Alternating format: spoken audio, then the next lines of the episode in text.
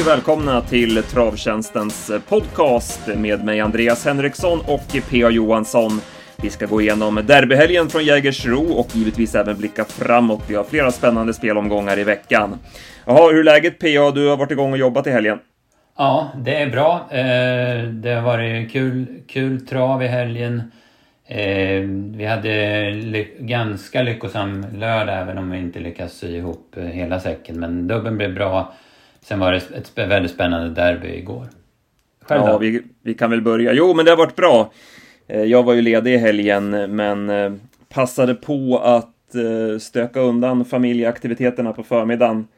Vi var i badhuset i lördags på förmiddagen och sen eh, hade dottern ryttartävling igår. Även det på förmiddagen, så det, det passade perfekt. Då hade man ju eftermiddagarna till att följa travet och det blev lite fotboll också. Det var ju flera stormatcher igång, så att nej, jättebra helg. Ja. Eh, dina hemtrakter har ju fått otroligt mycket regn. Har ni klarat er ute på eran gård? Nej, det har vi inte gjort. Vi hade, vi hade regn i källan här i förrgår. Och sen har ju hagarna varit eh, och paddocken och så vidare varit översvämmade. Så att det har varit en tung, tung juli-augusti här. Mm. Eh, när, man har, när man har hästar och så vidare. Och nu har det ju varit, blivit så jäkla mycket mygg också. Ja, i, verkligen. I, med de här översvämningarna. Så det... Ja. Ah, inte kanon, men nu, nu lyser solen i alla fall. Så jag hoppas på ett, ett par dagars uppehållsväder här nu så att det kan torka upp lite. Ja, precis. Ja, det behöver vi verkligen ha. Ja. Men eh, som sagt, eh, derbyhelgen är avklarad och vi kan väl börja direkt med huvudloppet där eh, Joviality vinner loppet. Som ensamt sto så slår hon hingstarna. Det är alltså första stoet att vinna loppet sedan Hilda Sonett 2001. Och jag läste att senast ett sto provade så var det mamma, Pacitea Face, som var ute. Så att det var är det inte lätt för de här ston att gå ut mot hingstarna, men den här är ju stentuff alltså. Ja, hon är ju så meriterad från USA och sen så har hon ju visat även på, på svensk mark, även om det varit en plump i Storchampionatet, att hon är jäkligt bra helt enkelt. Ja. 23 miljoner in på kontot tar hon alltså och eh, det blev ju den första kvinnliga tränaren som, som vann ett derby, Sabine Kagebrant. Eh, även där så bryter man ny mark, så är riktigt kul. Mm, ja, precis. Det, eh, det är ju inget, inget starkt liksom för, för jäm, jämställdheten, men, men så var det i alla fall. Jag hoppas att det banar väg för mm. andra framöver. Mm. Eh, roligt också att Anders Ström får vinna sitt eh, första derby. Han satsar ju stentufft på travsporten och är ju viktig för travsporten också. Så eh, häftig resa även Anders har gjort. Det var 30 år sedan så grundade han Travtjänsten och nu stod han där med en gul kavaj. Mm, ja, verkligen. Det är, otroligt, det är otroligt bra att han, att han får de här framgångarna. Det, det är klart att han har ju vunnit många stora lopp längs vägen men, men att han vinner en sån här riktig klassisk svensk seger också är viktigt med tanke på hur mycket han satsar och vad han betyder för eh, svensk travsport. Ska vi ta loppet då? Ja, det vart ju en omstart här. Denser Brodde, det var ju spännet på bröstan som gick av där så att eh, man fick eh, kalla till en ny start och ja, Erik vart ju oroad med Joviality. Hon varvar ju upp i och med detta. Mm, ja, exakt. Så då var det ju givet att släppa ledningen. Han hade ju de tankarna innan också, om han skulle komma dit. Men, men när hon eh, eldade upp sig lite grann så var det givet val. Eh, det vart ju tok i storkampionatet då, då hon blev alldeles för het på mellanvarvet. Va? Så att, eh, ja, och det var ju andra där som Working Class Hero berättade Jörgen Westholm för travronden att han eh, inte var i fasen till loppet också. Va? Så att, eh, de hade ju liksom inte påbörjat starten än men de var på väg upp till bilen och bilen skulle precis börja rulla. Då, då, Johan, upp, då Johan upptäckte att spännet hade lossnat och, och det vill man ju såklart inte ha i ett derby. Spännet på bröstan som hänger och slår hästen på bogen. Nej. Eh, så det blev Dense Brodde snabbt till ledningen, men han rullade över i galopp i första sväng. Eh, han var ju lättare i balansen, möjligt att det spelade in, men sen hoppade han ju en gång till i sista kurvan, så att han hade väl heller inte sin bästa dag. Nej, precis. Det, det blir säkert, eller jag tror att balansen spelade in där inne i första svängen. Det var ju typiskt en sån där galopp. Han var ju otroligt startsnabb, men sen gick det liksom inte att hålla på benen. Nej, Så då valde Erik istället att släppa till Barack Face när han kom och det blev ju perfekt för att eh Eh, sen när Coca-Holly inte kunde hålla tätt i dödens runt sista sväng så löste det sig för Erik och då avgjorde hon ju lekande lätt Joviality före Barack Face där ja, Adrian Colgini hade fullt sjå att hålla den hästen i, i trav. Ja, det var ju redan från start så var han uppe i luften och sen var det flera gånger under vägen som han fick, han fick köra på, han berättade han, hela loppet för att han, han var inte fokuserad. Han la sig liksom aldrig ner i, i grejerna och var avslappnad. Utan eh, ja, han fick sitta och peta på honom och det, det upptäckte ju det upptäckte ju Magnus Djuse efter 700 meter då han testade lite grann för ledningen och skruvade upp farten lite där på runt den svängen då. Mm. Då, då svarade han bara, eller då tog han tag i grejerna ordentligt när han fick häst på utsidan. Men, men det, det var ju liksom tvunget för Adrian att, att köra till ledningen efter 400-500 meter och det var heller ja, men snudd på omöjligt för honom att ta upp i sista sväng och packa fältet. Barack blir tvåa i mål och storskrällen Love Keeper trea, Global DB fyra, så där fick stall Johan Untersteiner lite plåster på såren för galoppen för Dance Brodde. Mm. Eh, Santi Sarvi, han fick ju stallkamraten i vägen så att han kunde inte kom, ta någonting från kön. Nej precis, han, det vart ju tvärstopp när, när eh, Greensboro sett stanna i sista sväng och då fick han börja om och ut i fjärde spår och han, gick, han går bra på upploppet men det kan ju inte ta så mycket för, för Joviality går under nio sista åtta så då, det var det inte så lätt att ta något i spåren men, men Santi Sarvi, jag tyckte han såg ganska bra ut i loppet. Jag tyckte han sprang rakare än han gjorde i, i uttagningen så det var ju positivt i alla fall. Ja, och han har ju kommit igång sent får man ju ändå säga.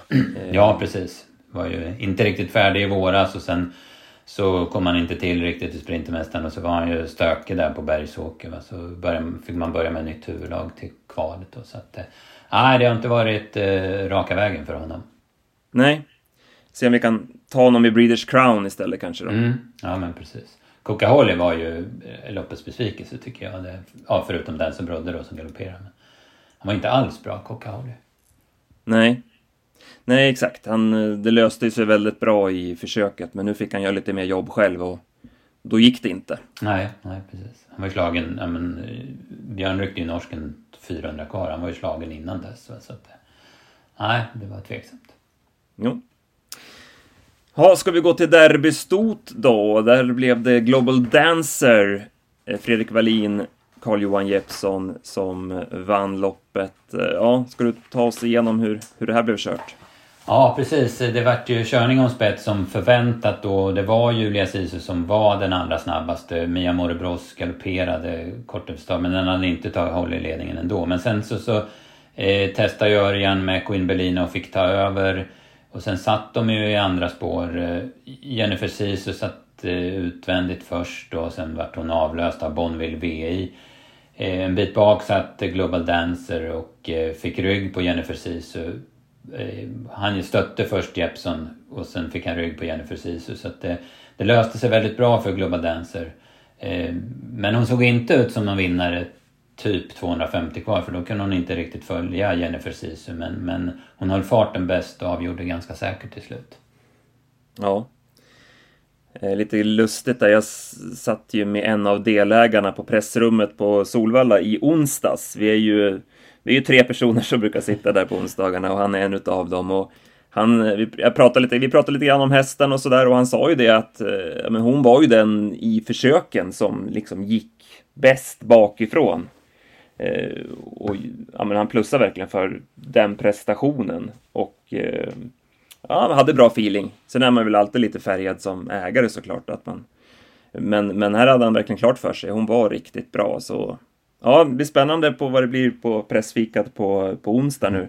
Eh, Anders har ju fixat så att vi får lite Delicatoboll och kaffe där. Kanske, kanske kan bli tårta också nu på, på onsdag. Då. Det borde det bli va? Ja. Ja, men, eh, det skicka ett stort grattis och eh, det var dags för henne nu. Hon har ju visat eh, att hon har kapacitet för att, för att slå de här bästa och ja, men nu stämde det också. Mm, ja, precis. Hon fick, fick sitt lopp och eh, några underpresterade och några fick jobbiga lopp. Precis som det alltid är i sådana här race. Va? Så då, då, då var det hennes tur. Ja. Ja, Queen Belina var väl en av dem som svek. Va? Hon mm, skulle ju ja. såklart hålla bättre i spets. Ja, det tycker man absolut. Ja, eh, annars var det väl inte jättemycket kanske att ta med sig från söndagen. Va? Det blev ju en eh, skräll i KG Bertmarks minne, Amazing Justice och Sofie Eriksson, som gjorde att utdelningen sköt iväg rejält. Mm, den och eh, Global Dancer då. Så, att, eh. så var det. Så det är runt 200 000 där på mm. 7 rätt. Mm. Eh, ska vi ta lördagen då? Där kanske vi kan gå igenom loppen lite mer ingående som vi brukar. Eh, det var ju jag som var tipsansvarig för den här omgången och eh, vi stötte och blötte lite grann på vårt rankingmöte också och vi var väldigt inne på, eller jag var väldigt inne på eh, Going Cash. Eh, och eh, det var ju ett lopp där, ja men det var två hästar som var spelade och det kändes som att det stod helt mellan dessa två. Så då valde vi att ta ställning för Going Cash, men eh, nej, han kom inte förbi från start. Eh, Erik, eh, eh ja men han vad ska man säga, han tände, tände lite grann på, på, på, på gränserna det som, som man kan göra och lyckades hålla upp spets med Mondrian Boko och det blev ju loppavgörande. Mm, ja, precis. Det såg ut först som eh, Going Cash skulle ta sig förbi men, men som du säger Erik eh, kom med bra fart och eh, han är ju vass och, och får snurr på hästarna och Mondrian Boko har ju ganska bra inställning också så att han sträckte på sig och höll upp ledningen. Ja, precis. Eh, lite otur för oss ändå att Ted Tonks inte kan hålla ryggledaren så att Magnus får chansen att ta ryggledaren med Going Cash eh, efter en 400-500 meter. Eh, det hade varit bättre för vår del om han hade blivit kvar utvändigt för då hade, då hade han vunnit loppet med tanke på hur morsk och stark han såg ut genom mål. Ja, precis. Samtidigt som Mondrian Boko inte alls var lika bra som, som senast han gästade Jägersro. Det var ju med hugg och slag som han vann då. Så att, Eh, så hade det ju blivit men ja, eh, jag läste, det var nog i travronden när Stefan Persson sa att han inte hade en tanke på att Magnus skulle gå ner i rygg så han var liksom inte, bemödade sig inte sådär jättemycket med att sitta kloss i rygg utan han tänkte att jag har ju ryggledaren här va. Så men ah, okay. ja, då valde Magnus den, den taktiken istället när, när luckan uppenbarade sig. Ja. Hörde du något eftersnack? Magnus motiverade han sitt beslut på något vis? Ja, han eh, ville inte ha dödens, eh, sa han. Och sen, men samtidigt så sa han att det blev ju helt fel med facit i hand. Så att han, han insåg ju sitt misstag direkt efter loppet och, och, och erkände det också. Ja. Nej, så det var ju samt, ja. surt för vår del då. Ja, samtidigt är det ju inga fel för Going Cash. Alltså han, han går ju stärkt ur det här, hästen som sådant. Ja, precis. Han hade ju bara gjort två starter och man valde ju bort derbykval med honom och, och så vidare. Eh, så att eh, på så vis så får han ju med sig en väldigt stark häst eh, mm. till nästa gång. Mm. Det är ett jäkla bra intryck på den där hästen. Den där kommer nog klättra rätt snabbt genom klasserna. Ja, han var ju en snackhäst redan i fjol. Minns ju det kriteriekvalet spelades ju ner till tre gånger pengarna mot bra hästar då. Men han var väl inte riktigt mogen där och då. Och så vart han ju sjuk också, så det har ju tagit tid med honom. Men nu med en, med en rejäl träning i kroppen och sen som han ser ut nu med barfota och bike också. Det är ju, mm, ju ett jäkla intryck på honom. Ja. Så tveklöst en, en för bra häst för den lägsta klassen. Ja, men absolut. Fick vi inte lite upprättelse för vår följehäst Benchmark också? Visar inte han lite av det vi har trott tidigare? Jo, den där eh, minns jag att jag skickade i vår sms-grupp som vi har om den där hästen redan det var väl redan typ efter debuten. Ja, att, det våren i fjol alltså. Ja, men ta, ta mina pengar, jag kommer spela den här hästen varje start. Jag fastnar ju för den så otroligt alltså, vilken modell av häst. Men han har ju mest bara varit tung och sprungit och slagit ihop och ja, men inte alls levererat. Visat tråkig, tråkiga takter flera mm. gånger. Blixtra till någon gång, det var något lunchlopp som han spurtade in som trea. Fick man, fick man lite plats va? Ja, ja, eh, Men eh, inget snack om att man ligger rejält med minus på den hästen. Men eh, ja, nu kanske han äntligen kan vara på gång då. Det var som du säger, det var en eh, rejäl avslutning som tvåa. Mm, ja, verkligen. Det blir svårare att få betalt bara. Det var inte bara vi som såg Nej, den precis. Den var, den var lite för uppenbar. Eh, Nej, men i övrigt då, jag låste ju första avdelningen på två hästar. Hade ju väldigt bra skrällfeeling för Olga Utka. Nu blev, hon ju, nu blev det jäkla drag på henne. Det var fler än jag som var inne på henne, så att hon trendade ju rätt rejält på spelet och stannade ju på 16 procent innan det var klart. Men, men med tanke på hur, hur hon hade levererat på slutet så hade jag ju bra feeling för henne. Eh, låste på den och Nova Mairon på spets Eh, var ju skeptisk till Kebba Mil som favorit med tanke på hur tråkig hon såg ut på valla. Eh, att det kändes som att hon skulle behöva ha det här loppet också i kroppen. Så att, eh, ja, det blev, väl, eh, det blev väl delvis rätt får man väl ändå säga. Nova Mairon vinner loppet från spets, Kebba Mil kan inte utmana från utsidan. Sen, ja, tråkigt att eh, Olga Utka inte får chansen. Han, han ger ju upp loppet direkt, Gustav Johansson, när han tar upp från start och sen kommer han ju aldrig till i loppet. Nej precis, det vart ju väldigt långt fram och sen ryggar då som hon fick som inte gick framåt så det är ju typ hundra kvar som hon får chansen. Hon gick ju vrålfort till slut. Hon var väl den som avslutade fortast av alla på X-Lab som jag inte, enligt X-Lab som jag inte minns helt fel. Va? Så det, mm. det var inga fel på det draget men, men det vart jäkligt fel i loppet. Ja, jag hade väl hoppats på en mer offensiv styrning. Mm. Jag pratade med tränaren där och frågade just om det och hon sa att men hon, hon tål att gå i dödens och sådär men det är upp, ja, kusken får avgöra taktiken. Eh, men eh, valde ett passivt upplägg då och då, då var det ju chanslöst som det blev kört. Ja, det gick ju väldigt sakta en bit mitt i loppet också. Så att, så att, men det är häftigt ändå med den här nioåriga märren. Eh, som, som vi gillade ju redan som fyraåring. Man hade ju lite span på henne där i några starter. Mm. Jag minns ett lopp som Kenneth Haugstad körde på Axevalla. Då hajade man verkligen till hur, vilken, vilken fin häst. Ja. Eh, sen har hon ju mest nött på och ja, men haft lite svårt att vinna lopp kanske och sådär. Men nu som nioåring eh, och nu med jänkarvagn och barfota och helstängt huvudlag så, ja men hon, hon är i sitt livsform. Ja, nej, vilket intryck liksom innan loppet. Hon ser ut som hon har växt en decimeter och lagt på sig hur mycket muskler som helst. Hon ser dunderfin ut alltså. Ja, verkligen. Och det är väl så. Jag, jag pratade med tränaren där som sagt inför och hon hade ju gått med någon eh, hagekompis tidigare eh, som, ja men sen man hade väl tagit henne till avelsboxen tror jag sen och, och sådär så att hon, ja men hade börjat gå själv i hagen nu och ja men verkar trivas bättre med det. Det, det kan ju vara så för vissa hästar att sådana där detaljer, vi vet ju, ja men Daniel Redén pratar ju ofta om eh, hingstarna, hur de är i, i stallet och man flyttar kanske någon från ett stall till ett annat eller man ändrar rutiner hemma med och, och så vidare. Sådana mm. där detaljer är ju viktiga. Det är ju, hästarna ska ju må bra för att leverera. Ja men verkligen. De, ja, men har, har du en boxgranne eller hagkompis som, som trycker ner dig då, då är det klart, då är det svårt att, att vara morsk på banan. Så är det. Mm. Här så Olga Utka tar vi med oss nästa gång. Hoppas vi att det blir lite mer offensivt och att det klaffar till lite bättre så, så kan ju hon vara en vinnare snart igen.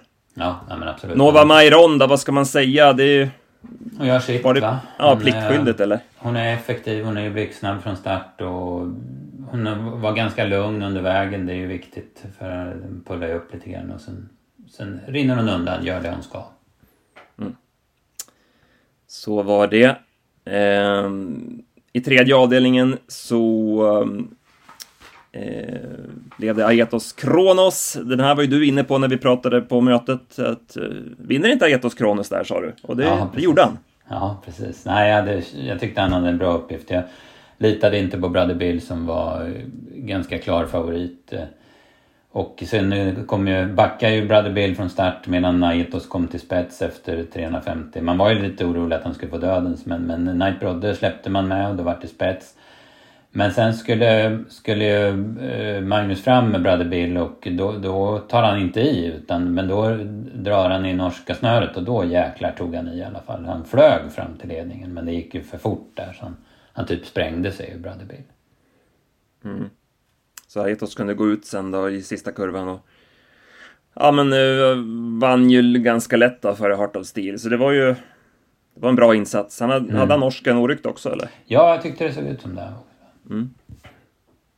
Vad säger du om Brother Bill då? Hörde du något från Magnus där efteråt? Ja, han, eh, han fick ju ingen fart. Precis, han sa ju precis han fick ju ingen fart på honom då han stödde på och då, då drog han norsken. Den gick, åkte bara ner på vänster sida i och för sig men, men det spelar ingen roll. Han forsade iväg. Det gick ju, det gick ju otroligt fort där när han, när han tog över ledningen och det var ju man, man trodde, eller de sa ju i referatet att, att Örjan nog inte var vaken men det gick ju inte att svara. Det gick ju så jäkla fort. Va? Så att, sen så, så blev man ju trött så att han tyckte väl inte prestationen var särskilt bra heller. Det var den ju inte. Han vart ju jättetrött till slut av Så att, det är ju en knepig häst. Alltså nu var han ju ute på långresa och sådär och det är ju inte hans grej riktigt. Han har väl bäst resultat på, på Solvalla och på Sundbyholm va?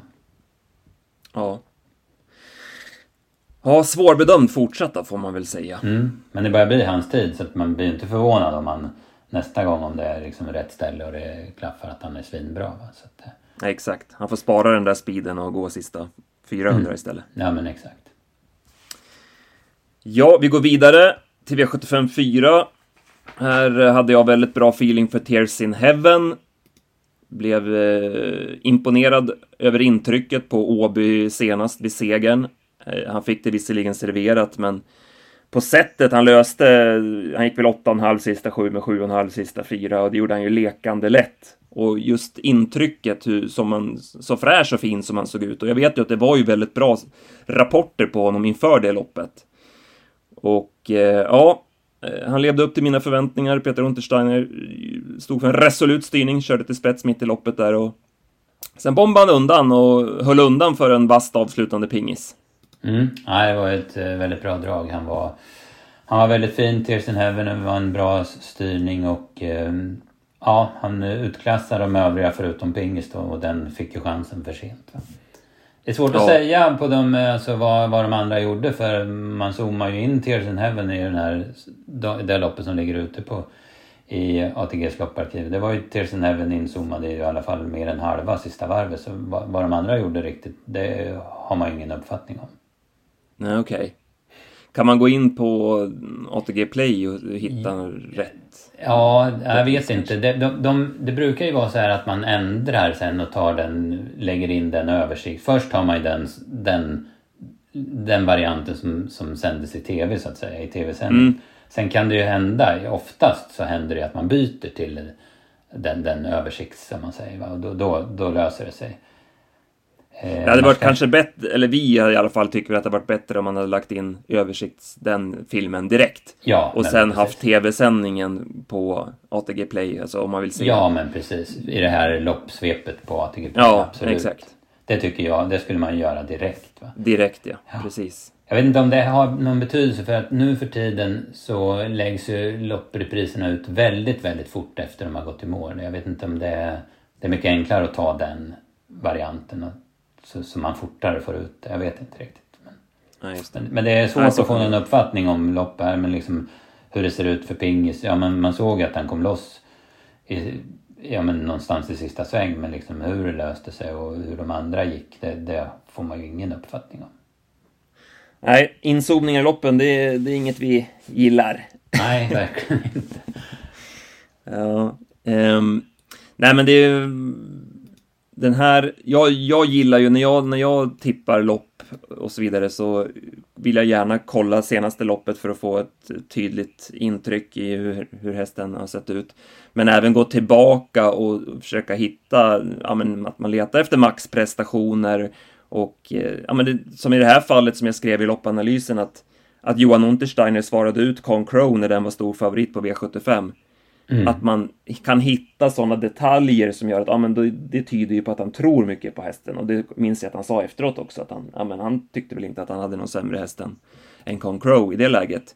Eh, även om det blev fel den gången så då har man i alla fall en grundtanke om hästen. Och mm.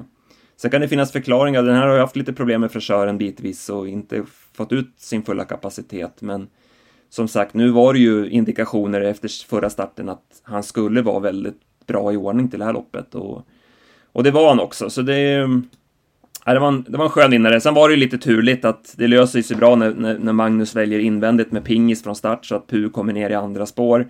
Eh, väljer Magnus att sitta kvar i andra spår där, ja men då får ju Pu tredje runt första sväng och ska framåt och då kan det bli en betydligt tuffare inledning för honom. Eh, sen kanske han ändå blir släppt i spets då och vinner loppet, men ja, då kanske Pingis också får chansen på ett annat sätt. Det är, mm. det är svårt att säga. Ja, eh, men eh, lite flyt var det såklart inblandat i det hela. Mm. Eh, bra intryck på Pingis där. Han var mycket, visserligen var det ju stentufft emot i derbykvalet, men då såg han så seg ut. Nu, nu var det mycket bättre klipp i honom och eh, han avslutar ju väldigt, väldigt bra. Ja, verkligen. Det var ju... Även som en going cash så var det ju där ett väldigt bra lopp till mm. nästa gång mm. för, ja. för Pingis. Mm.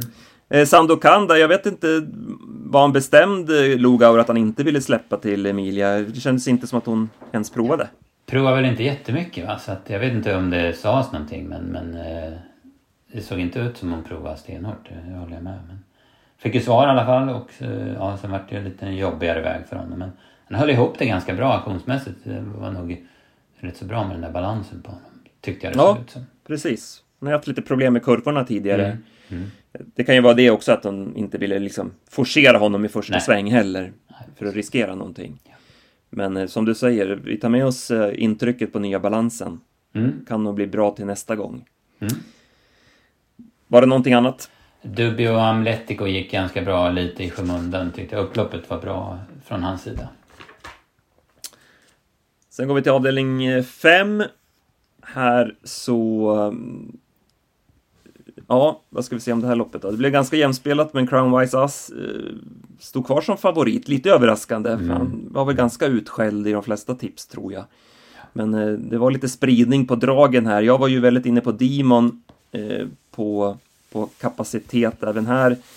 Eh, han... Eh, här, också ett sånt, eh, sånt exempel där man kan man vet grundkapaciteten, man vet eh, maxprestationerna som hästen har visat, som han har i sig. Eh, mm. Minns ju spurten på Solvalla under Elitloppshelgen, han var ju rejäl sämst i segern på Tingsryd och sen eh, gick han ju starkt på Bergsåker och hoppade i sista sväng i fyraåringstestet med en, en tät placering på gaffen.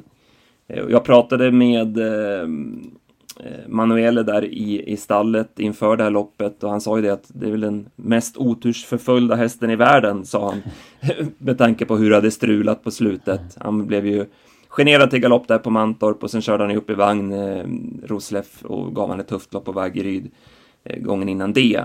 Så eh, han hade en, en skamfilad rad, men, men, men det fanns en del förklaringar till det. Sen var man ju lite osäker på hur han hade tagit förra loppet och att det fanns såklart lite vingelrisk från, från spår 7, men nej, han hade tagit det bra och eh, den här barfota runt om-balansen är, är en bra grej för honom. Han mm. eh, ja, såg riktigt fin ut och det löste sig bra också för honom. Mm. Han öppnar ju ganska bra för, för att vara Damon ändå, så det, han kom ju vettigt på det. Va?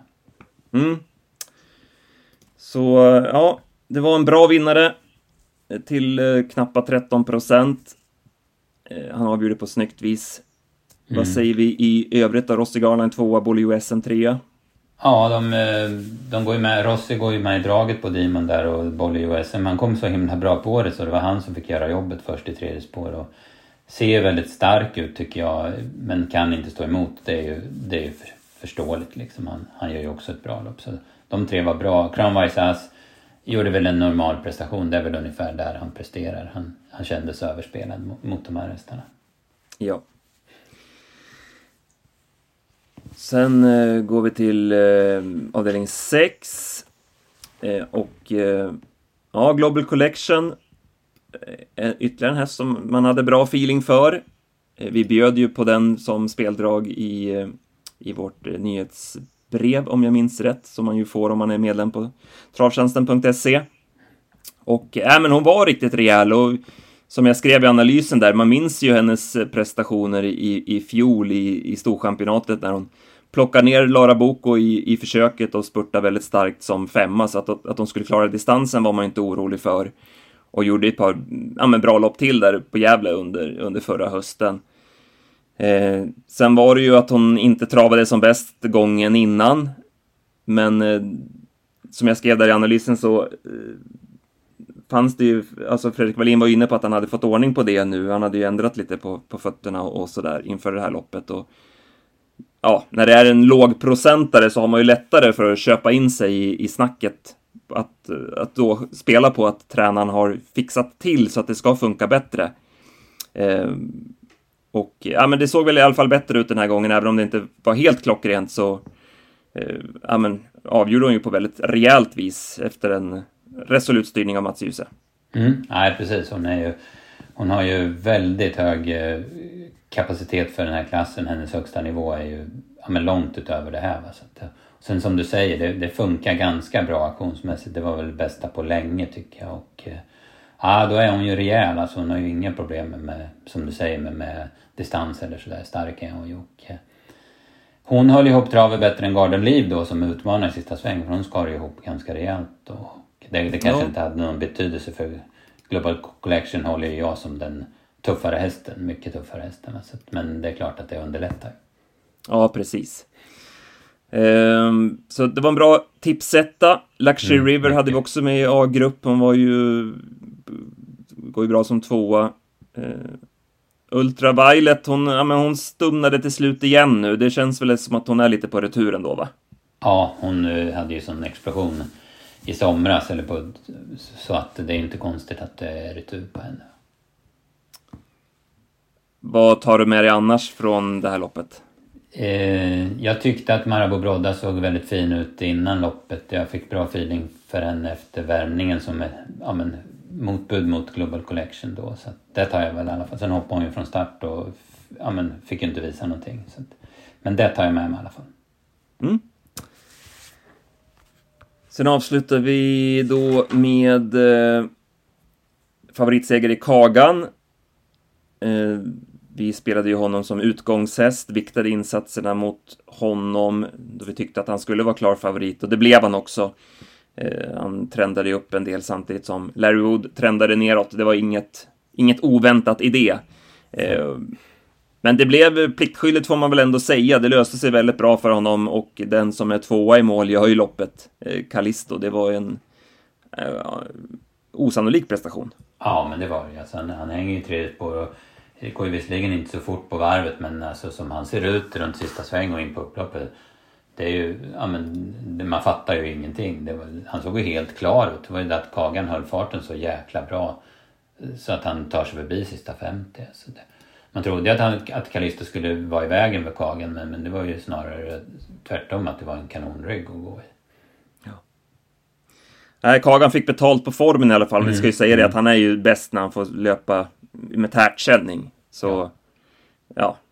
Även om det blev pliktskyldigt så, mm. ja, det var väl ungefär det han kan kanske bakifrån på något vis ändå. Jag vet inte. Ja, men lite så. Digital Summit såg ju stark ut, men fuskade med travet i sista sväng och mm. var väl inte helt körbar, så... Sen kom han tillbaka på upploppet, visst var det så? Ja, precis. Ja, han tappade ju sista sväng och sen, han var ju, jag tror det, det man klippte ju precis, eller bytte vinkel precis, men jag tror att han för jag skrev upp i programmet att han galopperade 800 kvar och det hörde jag Borgos sa i referatet också. Va? Så att det, det, var nog så. Men sen och så tappade han ju igen i sista sväng. Då, så att han, han har ju bekymmer med aktionen då men han höll farten sen. Men jag, jag, ty, jag tycker, eller jag tog med mig um, Behind Bars där. Han, man chansade invändigt med honom och det såg ut att bli väldigt bra men det löste sig aldrig. Han, han gick i mål med en hel del sparat och han är ju väldigt härdad i klassen. Och, kan fortsätta att starta i silver så att när han har bra lägen här då kan han vara aktuell ja. framöver. Nyttig häst, helt klart. Mm, verkligen.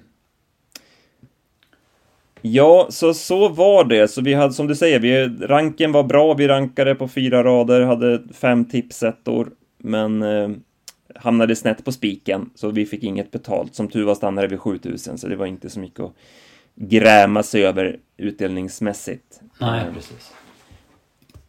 Men eh, ja, så var det med det va? Mm, yes.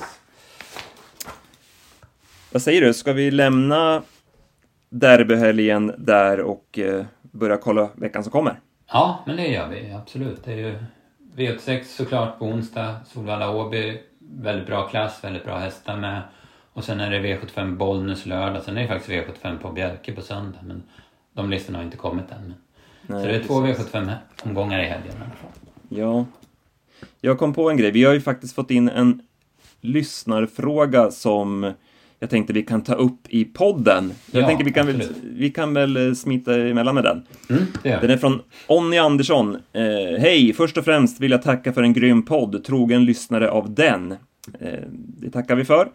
Eh, jag tycker det verkar så spännande och roligt att kolla i lopparkivet. Nu har man ju jobb, familj och andra sysslor som ska skötas, därav så räcker inte tiden till. Har ni något tips eller råd hur man ska lägga upp strategi när man kollar i lopparkivet? Det tar ju väldigt mycket tid i anspråk om man ska kolla alla hästarna i startfältet. Stort tack på förhand. Och är en bra fråga tycker jag. Och det är ju så, alla, alla har inte lika mycket tid som vi att sitta och kolla i lopparkivet eh, dagarna i ända. Så ja, har du något tips på hur man kan effektivisera det arbetet? Mm.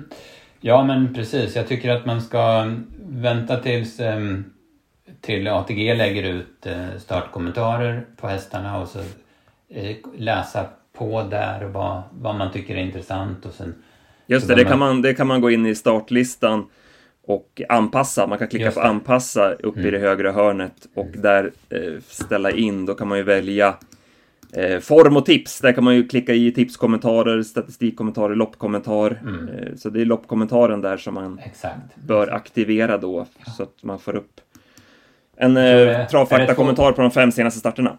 Precis, är det två dagar innan eh, de två sista dagarna innan spelstopp som, som de aktiveras, tror jag. Mm.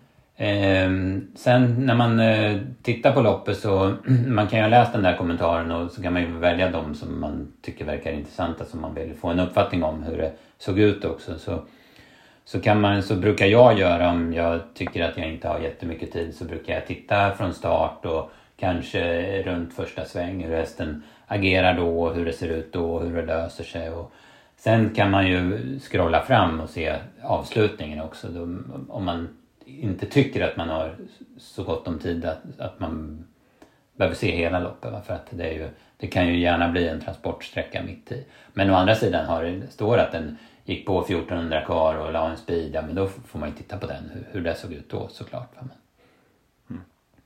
Ja, precis. Gärna kolla runt sista kurvan. Ibland kan ju hästarna komma upp i rygg sista hundra och det ser ut som att de har mycket krafter kvar, men de har gått för fullt runt sista kurvan och ja, men det kan vara lite bluffsparat som vi brukar säga. mm, mm. Då, då, ibland kan det då stå fast med krafter kvar eller sparat eller sådär kan det stå i, i loppkommentaren fast det egentligen inte är det. Nej, Eh, så att man, man ska ju inte li- lita helt på, på de här loppkommentarerna samtidigt som de är ju ett, det är ett bra sätt att ja men ser du att en häst den tappade eh, och så vidare, att det står sådär i snudd på varje start, ja men då kanske du inte behöver kolla på den hästen ens Nej, om du har precis. ont om tid. Eh, däremot om du, det kanske kan vara att den inte har varit som bäst på slutet men du hittar en bra prestation högre upp i, i, i raden, då kan det vara mer intressant att gå och titta på det loppet kanske. Och sen om du då kan kombinera det idag med att läsa intervjuer och, och, och så vidare så är det väl ett bra sätt. Och sen om, när man har kanske tittat på en fyra, fem hästar så är det ju viktigt med att kolla vem man tror tar ledningen. Så försöka då lista ut vem av de här som tar spets, så har man ju en, en fördel. Mm, då är man långt på väg, absolut. Och när du kollar spetsstrider då, hur lägger du upp det jobbet? Ja, men du, som du säger, vi har ju mycket mer tid än kanske en gemene man. Och då jag kollar jag ganska många starter. Och, eh, ja, för det är ju inte alltid eh, man laddar och det, ja, men det, det kan ju... Man kan ju spetsa och det går 14 första fem. Det, liksom, det säger inget när man läser men då kanske det visar sig att den hästen var blixtsnabb och spetsar på två steg så då blir det ju ingen spetsstrid. Så att eh, jag, jag brukar försöka kolla flera starter och då eh, vi har ju tillgång till, till travfakta tidigare och då kan man ju kolla fler lopp, alltså läsa om fler lopp. Och då hittar man ju de man, man vill titta på. Mm. Precis. Eh, någonting annat, eh, annat tips när det kommer till, till lopparkivet? Nej men jag, jag tycker det är viktigt att liksom titta på hästen och bilda sig en uppfattning hur den ser ut. Och inte bara över mål utan men typ i första sväng och i sista sväng precis som du sa. Så det, det är helheten tycker jag. Ja. Nej, så det är väl vårt råd vi skickar med eh, härifrån.